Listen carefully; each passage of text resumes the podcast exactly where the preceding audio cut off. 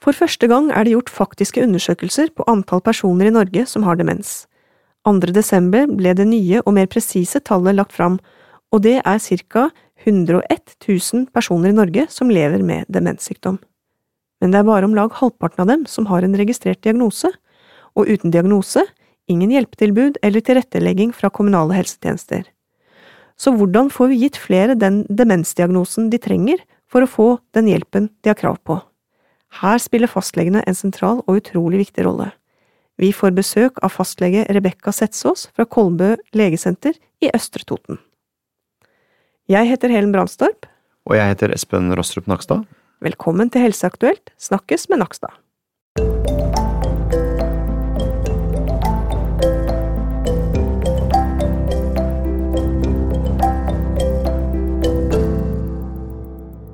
Du Espen, Rundt 100 000 mennesker i Norge har altså demens. Det er nesten 2% av befolkningen, det. Mm. Og de neste tiårene er det jo ventet at vi bare blir flere og flere eldre her i landet. Vi har et sånt nasjonalt kompetansesenter for aldring og helse, de har kommet fram til disse tallene i en helt ny studie, og de anslår at det kan bli nesten dobbelt så mange i 2050. Altså, Hva tenker du, hvordan skal vi klare å håndtere alle de pasientene? Nei, Det tror jeg blir en utfordring, fordi dette er ikke bare et spørsmål om å håndtere det på sykehjem og i helsetjenesten, men det får jo store konsekvenser for de som den demente bor sammen med. Eh, det er jo et behov for tilrettelegging hjemme, og, og det er ofte etter hvert et behov kanskje for hjemmetjenester. og så dette mm, vil jo i prinsippet kanskje medføre en dobling av hjelpebehovet, rett og slett. Mm. Eh, hvis disse tallene manifesterer seg da på den måten i framtiden som man tror. Så ikke vi klarer å jobbe smartere også? Det mm. kan man også kanskje, men dette er jo ofte pasienter som virkelig har et behov. Eh, det er ikke lett å få en dement person til å bruke digitale hjelpemidler og, og mye av de andre tingene som andre pasienter kanskje kan tilbys. Så her blir det jo ofte et, faktisk et praktisk behov for hjelp, da, i noen tilfeller. Mm. Overvåking, kanskje? Ja, det òg. Mm. Mm. Det blir også viktig å gi disse personene riktig diagnose, sånn at liksom de kan få den hjelpen de trenger som er tilpasset. Og da spiller altså fastlegen en veldig viktig rolle. Og akkurat det er dagens gjest veldig opptatt av. Velkommen til oss, fastlege Rebekka Setsås. Hei Helen og Espen, så hyggelig at eh, jeg fikk lov å komme til dere i dag, og at vi kan ha fokus på et så viktig tema som eh, dette med utredning av demenssykdommer. Eh, fordi det er sånn at det med korrekt diagnose, som du sier, det er nøkkelen til det aller, aller meste. Akkurat. Så du er veldig engasjert i dette her. Jeg vet at du nylig holdt et innlegg på Demensdagene som het 'Fastlegens rolle i demensutredningen', og da Så dette, dette hører jeg du brenner for. Hva er egentlig fastlegens rolle eh, i demensutredningen? Ja. Um, det aller meste, egentlig. Fordi at eh, det som er utrolig viktig, det er å få formidla det budskapet ut til folk. At uh, um, det er jammen ikke sikker på at det er demens. Eh, for jeg møter mange pårørende som sier til meg at eh, ja, ja, men mor, mor er nå bare glemsk, og det er jo kanskje ikke noe å bry seg om. og Det er kanskje vanlig når man er over 80 år. Eh, så det tenker jeg er et av hovedpoengene våre her i dag nå. Det er å formidle ut at punkt én, det er ikke sikkert at det er demenssykdommer som eh, pasienten plages av. Eh, og så er det sånn at vi har mange muligheter til å behandle, faktisk. Og det er en del ting vi kan gjøre noe med. Og det tror jeg er en sånn feiloppfatning i samfunnet i dag. At man tenker at her er det ingenting vi kan gjøre noe med. Da. Så punkt én, vi må utrede for å utelukke andre sykdommer andre sykdommer som vi kan gjøre noe med. Og kort innpå her så, så er det jo sånn at vi, vi tar jo eh, noen enkle blodprøver når pasienten kommer til meg som fastlege. Og, og da kan vi faktisk utelukke eh, sånn som stoffskiftesykdommer, lavt stoffskifte. Noen ganger er det vitaminmangler som gjør at eh, en person blir glemsk. Uh, og vi tar jo også CT eller MR eller røntgenundersøkelser av hjernen og jeg har opplevd flere ganger at det kan være f.eks. en uh, svulst, en tumor, eller et subduralt hematom. Eller uh, noen ganger også en sykdom som heter normaltrykkhydrocefalus. Og den er operabel og helt irreversibel eh, hvis vi kommer tidlig til. Så det har absolutt noe for seg eh, å komme til fastlegen da. Det, teknisk, du mente kanskje reversibel? ja, tilstand, ja du, du, du, sa, du, sa, irreversibel. Så, ja. Helt riktig. Den kan vi gjøre noe med. Ja. Mm. Jobber fastlegen helt alene da med, med denne diagnostiseringen? Jeg har hørt om noen sånne kommunale team og sånn, jeg vet ikke. Ja, du, altså der er jo Kommunene våre er jo utrolig forskjellige. Eh, jeg jobber jo i en liten kommune med 15 000 innbyggere. og så har Vi jo, vi har jo så mange forskjellige kommuner. Så, men mange kommuner har eh, det vi til nå egentlig har kalt demensteam.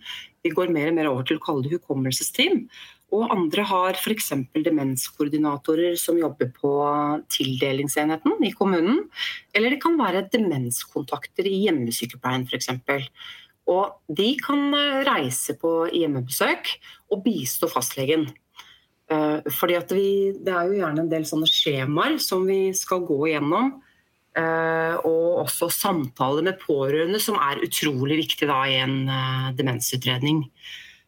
Så noen kommuner så må nok fastlegene gjøre alt alene, men i de kommuner hvor vi får bistand og hjelp, så er det utrolig flott. Da legger vi opp til et godt samarbeid til det beste for pasienten eh, og pårørende. Mm. Jeg sitter og tenker på ehm, Det høres ut som at eh, diagnosen ofte blir satt litt for sent da, eh, hos disse pasientene. Og Hva er ditt inntrykk, og hva viser tallene? Altså, hvor mange år går det faktisk før man får diagnosen vanligvis? Oh, det er veldig forskjellig, Espen. og veldig forskjellig Litt avhengig av hva slags diagnose det er. Um, men vi er veldig opptatt av det her med kall det diagnose til rett tid. Og vi ser jo at uh, veldig mange kommer seint inn. Og vi er veldig opptatt av det å komme tidlig til. Og det er jo nettopp uh, for det poenget som jeg nevnte i stad, altså det der å fange de tingene vi faktisk kan gjøre noe med. da. Og så er et annet veldig viktig poeng det er å stille korrekt diagnose og avgjøre hva slags demenssykdom som pasienten har. Fordi at Hvis vi får stilt en diagnose ganske tidlig i forløpet, så har jo pasienten sjøl en mulighet til å være med på å bestemme hvordan veien inn i framtida skal være for meg. Da. Og det tenker jeg jo at vi alle er veldig opptatt av. Mm. Og ikke minst for pårørende sin del, som kan få en uh, forståelse av hvorfor den man er glad i, har eh, endra atferd, f.eks. Uh, og det å få en forklaring på det, og, skjønne det, og, og, vite hvordan man bedre kan få et samspill seg imellom, da. Det, det er veldig viktig. Um, ja. Og det er vel ofte pårørende som er de første som legger merke til, eller ja, tar det opp, kanskje. Det kan godt hende mm. at det er den som begynner å huske dårlig, legger merke til det aller først, og, og, og sånn, men, men, at det er de pårørende som eh, pusher på for å ta kontakt med helsevesenet. Mm, absolutt. Og så er det jo sånn at eh, det med Og det har jo vært en, en ønska utvikling selvfølgelig i Norge. altså Vi ønsker jo å bli eh, så gamle som mulig, men jeg tror de aller fleste av oss eh, ønsker å ha en så kort tid liksom på slutten av livet hvor vi, hvor vi er dårlige, da, eller hvor vi trenger eh, hjelp fra andre. Um, så vi, vi vil jo leve lengst mulig med god helse. Eh, for det er jo dette med alder da, som er den største risikofaktoren for å utvikle en demenssykdom. Så, så, et budskap som jeg også har tenkt på å få ut, det er jo det at, eh, at eh, fastlegene tenker på hele tiden at det kan det være demens. Fordi vi vet jo at hele 20% av mennesker over 80 år er i ferd med å utvikle en demenssykdom. Eh, og mange av oss vi kommer til å leve til vi er over 90. Og det er jo kanskje med en liten bismak, men, men da er det hele 40% som, eh, som vil utvikle en demenssykdom. Mm. Så eh, det å hele tiden tenke kan det være demens, det er viktig. Ja, kan vi forebygge det her, da? Altså, jeg har skjønt at kryssord ikke er veldig god hjernetrim, selv om det at, at den beste hjernetrimmen det er å utsette seg for nye sammenhenger, helst et nytt språk, nye måter å gjøre ting på. Det er hjernetrim. Men hjelper det? Skal vi Ja, ja så bra. det gjør det gjør litt. Og, og klart at det òg er jo et, et, viktig budskap. Det at uh, det er mulig å gjøre noe. Det å leve aktive liv. Og så er det jo opp til hver enkelt hva som er et aktivt, godt liv for, for seg sjøl. Men så er det jo også de her risikofaktorene for å utvikle hjerte- og karsykdommer. Hjerteinfarkt og hjerneslag det å forebygge det eh, For vi har jo en demenssykdom som heter vaskulær demens. Og det er de samme risikofaktorene for å utvikle det som, som det er å utvikle hjerteinfarkt og hjerneslag. Da. Altså det å ikke røyke og det å ha kontroll på blodtrykket sitt. Det å leve et aktivt fysisk liv. Det å ikke bli overvektig. Det vil også hjelpe på i forhold til å ikke utvikle en vaskulær demens. Så absolutt, det hjelper, det hjelper å gjøre noe. Um, og så er det dette med legemidler. Da. Det tenkte jeg det er vi nødt til å komme innom. For det er, det er veldig viktig i, i den basale utredningen hos fastlegen. Altså, det første punktet var jo det at vi må utelukke andre sykdommer. Uh, og så må vi ha den viktige samtalen med uh, pasienten og pårørende i forhold til å få et sånt tidsperspektiv. Altså hva er endringen? Uh, og så er det dette med legemidler. Eh, det er et vesentlig poeng å forsøke å trappe ned medisiner. Eh, og tenke at enhver medisin kan gi et eh, potensielt problem. Og særlig hos eldre, da, som, som bruker det meste av medisinene i, i Norge. Veldig mange legemidler kan gi kognitiv svikt eller atferdsendring. Og mye av det kan vi gjøre noe med. Eh, bare helt vanlige ting som allergimedisiner f.eks.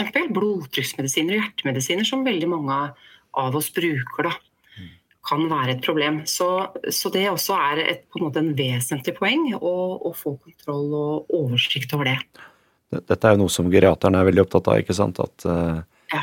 At uh, en eldre pasient som står på mer enn ti medikamenter, da må man begynne å kritisk gå gjennom hva som faktisk er indikasjon for, og, og som du sier, summen av bivirkninger og påvirkning eh, av det sentrale nervøse systemet også, eh, som kommer inn.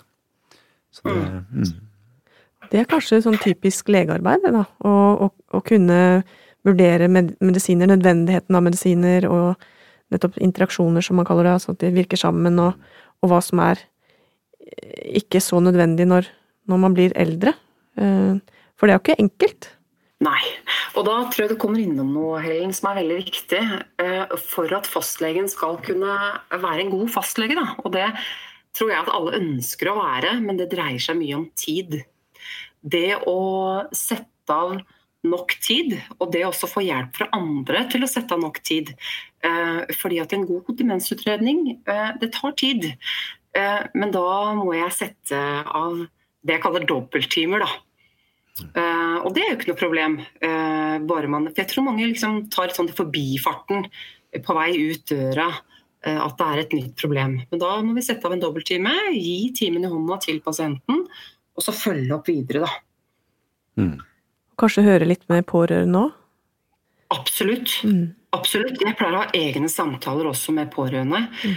Og og en god demensutredning pleier ofte å ta to til tre dobbelttimer når, når jeg gjør det.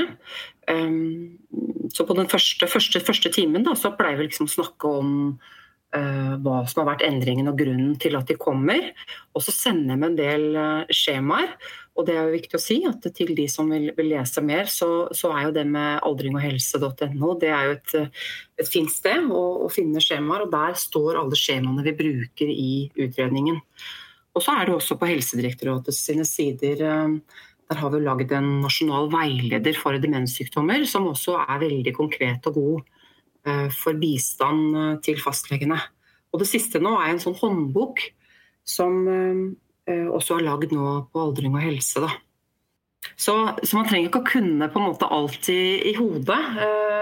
En vanlig fastlege gjør ikke så ofte demensutredninger, kanskje bare tre-fire ganger i løpet av et år. og det det blir i hvert fall veldig mange pårørende veldig forundra over når jeg sier det. Og da, da forstår man uh, kanskje mer at, uh, at, man må bruke litt tid og um, ja, ta dette på alvor, da. Mm. Fastlegen skal kunne utrolig mye. Ja. Og så, hvis den demente blir boende hjemme, så får man vel, om man har et demensutredningsteam eller ei, men man får da hjelp fra, fra hjemmesykepleie og hjemmetjeneste, får jeg håpe. Det regner jeg vel med, ikke sant? Ja, Som er innom og, der, mm. og det er jo også nøkkelen ikke sant, i forhold til det at eh, hvor viktig det er å få stilt diagnosen.